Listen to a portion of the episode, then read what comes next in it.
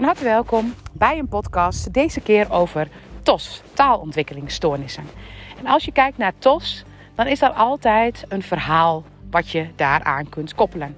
Vandaag bij de coachcall van een kind zien. Dat is een programma die ik draai en waar je kunt leren uh, vertalen wat je kind in het gedrag of in ziekte laat zien. En uh, dit programma draait vanaf begin maart en blijft actief. En alle thema's die jou voorbij zijn gekomen staan ook allemaal in de online omgeving. En ik leg de hele methode uit. En er komen steeds nieuwe thema's bovenop. Dus bijvoorbeeld schermtijd, daar komt een masterclass over. Daar gaat een masterclass over leren en gedragsproblemen. En steeds elke maand komen daar nieuwe thema's bij die allemaal in de online omgeving komen. Deze programma, dit programma wordt dus ook steeds meer waard. En um, kun je op dit moment aanschaffen voor 88 euro. En naarmate er meer gestapeld wordt, zal ook de prijs omhoog gaan. Omdat het werkelijk een methode is om op deze manier te kijken. Nou, vandaag was in de coachcall de vraag van een, um, ja, iemand die in de groep zit. Uh, over taalontwikkelingsstoornissen. Waar is dat nuttig voor? Wat wil een kind laten zien met taalontwikkelingsstoornissen? En ik dacht, ik ga in dit, deze podcast dat eens uitleggen. Om eens te kijken wat voor thema's daarop zouden kunnen zitten. Waarom zou je je niet gaan ontwikkelen in je taal? Want altijd is alles wat er is ergens een oplossing voor. Dus als een kind bepaald gedrag laat zien, bijvoorbeeld een kind is ontzettend veel boos en ontzettend dwars, dan gaat het over de boosheid en de dwarsheid in jou. En eigenlijk in alle gevallen gaat het over de boosheid en de dwarsheid die jij niet uit. Dus alles wat bijvoorbeeld vroeger bij ons verboden werd, dus bijvoorbeeld je mag niet boos zijn, dat zijn de thema's waar kinderen ongelooflijk boos over kunnen worden. En vaak, als kinderen dan super boos en dwars zijn, dan zeg je als ouders, nou dat hebben ze echt niet van mij. Want ik ben dat niet. Maar je bent het wel, maar je hebt het verstopt. Want vroeger werd je daarop afgewezen. Dus alles wat er is, is altijd een thema in onszelf als ouders. Nou, dat gaat nog veel dieper. Dat heeft op heel veel lagen ongelooflijk veel invloed. Want je vindt het ook altijd terug in de zwangerschap. En in veel gevallen ook echt in je systeem. En door het zinnetje waar je vandaag tegenaan loopt bij je kind te vertalen, kun je het terugpakken naar je systeem. En door dat systeem gewoon te benoemen, tril je het al los. Meer is er eigenlijk niet nodig. Tenzij er echt diepgaande problematiek achter zit, dan is het wijs om bijvoorbeeld te kijken met een regressie of met een systemische opstelling naar het verhaal. Nou, als je naar taalontwikkelingsstoornissen kijkt, ik dwaal een klein beetje af, dan gaan taalontwikkelingsstoornissen als een kind bijvoorbeeld zichzelf niet kan uiten, moeilijk woorden kan vinden, moeilijk echt goede klanken kan maken. En in dit geval, dit kindje ging heel nasaal praten. Dan zie je bij taalontwikkelingsstoornissen dat het eigenlijk dus iets niet uitgesproken zou mogen worden. En stel je voor, ik zou kijken naar, um, ik ben zwanger. En stel je voor, ik zou een geheim hebben. En ik zou iets niet kunnen uitspreken of ik twijfel of ik iets moet uitspreken. Iets is in mij daar een thema op dat moment. Wat denk je dat mijn lichaam dan zou kunnen gaan doen om dat te veranderen, om daar een andere lading op te gaan geven? Dus stel je voor, je kijkt naar zo'n verhaal. Hallo. En je gaat kijken zeg maar, welke thema's daar gekoppeld kunnen worden. Dan gaat het in, bij een taalontwikkelingsstoornis over iets wat niet uitgesproken mag worden. En als ik bijvoorbeeld als zwangere een geheim heb dan wil ik daar niet over praten. En dan gaat het lichaam zorgen dat je er ook, ook niet over kunt gaan praten. Dus dat het niet lukt om daarover te gaan praten. Nou, als je kijkt naar taalontwikkelingsstoornissen, dan gaat het dus heel vaak over iets wat niet uitgesproken kan worden. Een geheim. Ga ik het wel of ga ik het niet zeggen?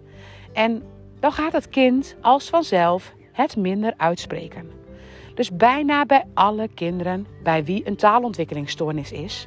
Maar er zijn echt varianten genoeg. En je kunt natuurlijk alle taalontwikkelingsstoornissen hebben ook allemaal nog weer eigen thema's. Maar je kunt het echt spot on vertalen door te beschrijven waar het kind tegenaan loopt en door dat los te maken. Maar wees je bewust dat taalontwikkelingsstoornissen heel ingewikkeld zijn. Dat als ik daarmee aan het slag was of als ik daarmee aan het werk ging, dat ik werkelijk thema's aansneed die niet besproken konden worden, die geheim zijn in het systeem. En als het thema's zijn die geheim zijn in het systeem, ja, wie ben ik dan om dat los te maken? Dus als je zo'n thema hebt, dan is het belangrijk om daar voorzichtig mee te zijn. Om te weten dat niet voor niks dit niet verteld wordt. Dat er een reden is, dat er een angst is om dit niet te vertellen. Het gaat altijd om iets wat ook ergens een angst is. Want anders zou het lichaam geen taalontwikkelingsstoornis gaan maken. Nou, kijk je naar bijvoorbeeld vertering, dan zie je dat ook. Als je bijvoorbeeld, stel je voor, ik maak in de zwangerschap iets mee, of in mijn familiesysteem is iets wat niet verteerd kan worden, dan krijg je als vanzelf kinderen met een ander verteringssysteem. Dan, kunnen, dan gaat eigenlijk die darmen die gaan zich anders ontwikkelen om te zorgen dat ze dingen makkelijker kunnen verteren. Om te zorgen dat ze daar makkelijker doorheen komen of juist minder doorheen kunnen komen. Dus het verteringssysteem staat altijd onder druk als er iets in jouw systeem niet te verteren valt. En zal ik vragen aan bijvoorbeeld een ouder bij wie een kind moeilijke vertering heeft, dan weten ze niet wat er niet goed verteerd kan worden. Maar het heeft natuurlijk iets te maken met iets wat nog een traumatische ervaring is, wat niet verteerd zou kunnen worden. Dus ons lijf helpt ons. En helemaal als we dus zwanger zijn, maken we een kind die in het thema wat er op dat moment speelt, een oplossing bedenkt. En natuurlijk weten we nu niet, want het ging over een nichtje, dus we weten niet precies waar het over ging. Maar wat er zou kunnen hebben gespeeld, is dat er iets ging over ehm, of, want wie de vader is, dat kan soms een thema zijn. En in dit geval zou dat een thema kunnen zijn. Geen idee of dat de reden is van het niet kunnen praten. Maar stel je voor, je hebt bijvoorbeeld in de zwangerschap, je bent zwanger geworden van een donor, want je bent samen met een vrouw. Dan kan ik me heel goed voorstellen dat er bijvoorbeeld een thema zou kunnen zijn op vertellen we dit wel of vertellen we dat niet aan ons kind? Hoe doen we dat? En als dat een thema is, dan kan het heel goed zijn dat je het bijna liever niet zou willen vertellen. En als je het niet zou willen vertellen, natuurlijk komen er vragen over. Dus wellicht is het helemaal niet het verhaal bij dit, dit, deze persoon, want dit kwam in de coachcall naar voren. Maar weet dat als iets dus niet besproken kan worden, dat het zomaar kan zijn dat het kind moeilijk moeite heeft om dingen uit te spreken. En dat het dan dus heel fijn is om te weten waar dat thema zit, om die lading eraf te halen, die soms echt helemaal niet zo groot is, maar die wel grootse gevolgen zou kunnen hebben. En als je dan kijkt dat ze wel nasaal praat. Nasaal praten is heel anders. Daar gebruik je je stembanden niet echt voor. Dus het is wel grappig dat ze eigenlijk wel geprobeerd heeft om iets te doen. En moet je dan eens voorstellen dat je als kind niet jezelf kunt uitdrukken. En dat het eigenlijk niet is omdat je dat niet wil, maar dat het is omdat je eigenlijk iets niet mag zeggen of iets niet zou willen zeggen. Of dat in het systeem iets niet gezegd zou mogen worden. En dat je dan een oplossing bedenkt om juist wel nasaal te kunnen zeggen. Hoe bevrijdend zou het zijn, hoe stembevrijdend zal het zijn als het gewoon lekker eruit zou mogen. Als het gewoon gezegd mag worden wat daar als thema speelt.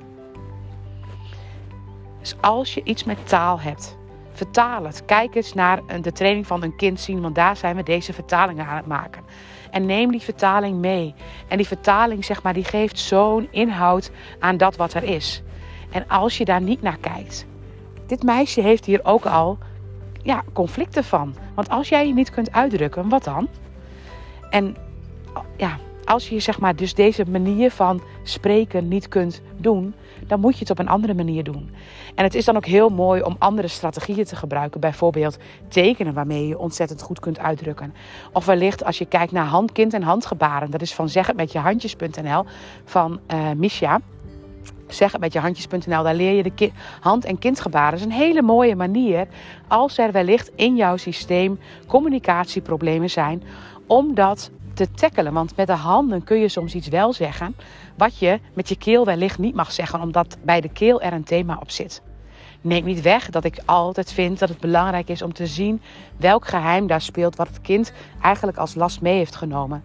Maar hoe fijn en hoe um, bevrijdend kan het voor een kind zijn als hij zichzelf wel zou kunnen uitdrukken. Nou, mocht je interesse in de training hebben, kijk op www.willemijntrip.nl bij de, um, bij de trainingen. Daar staat een kind zien en zijn. En dat is de training waarbij je dit allemaal kunt leren. En waarbij je ook in de coachschools komt, de masterclasses. En die ook allemaal nog komen. En die zijn er ook al een heleboel geweest. En waarin je in het Facebookgroep jezelf kunt aanmelden, of jij kunt aanmelden, je krijgt dan een link om uh, daar de vragen te stellen waar je tegenaan loopt. Dankjewel voor het luisteren.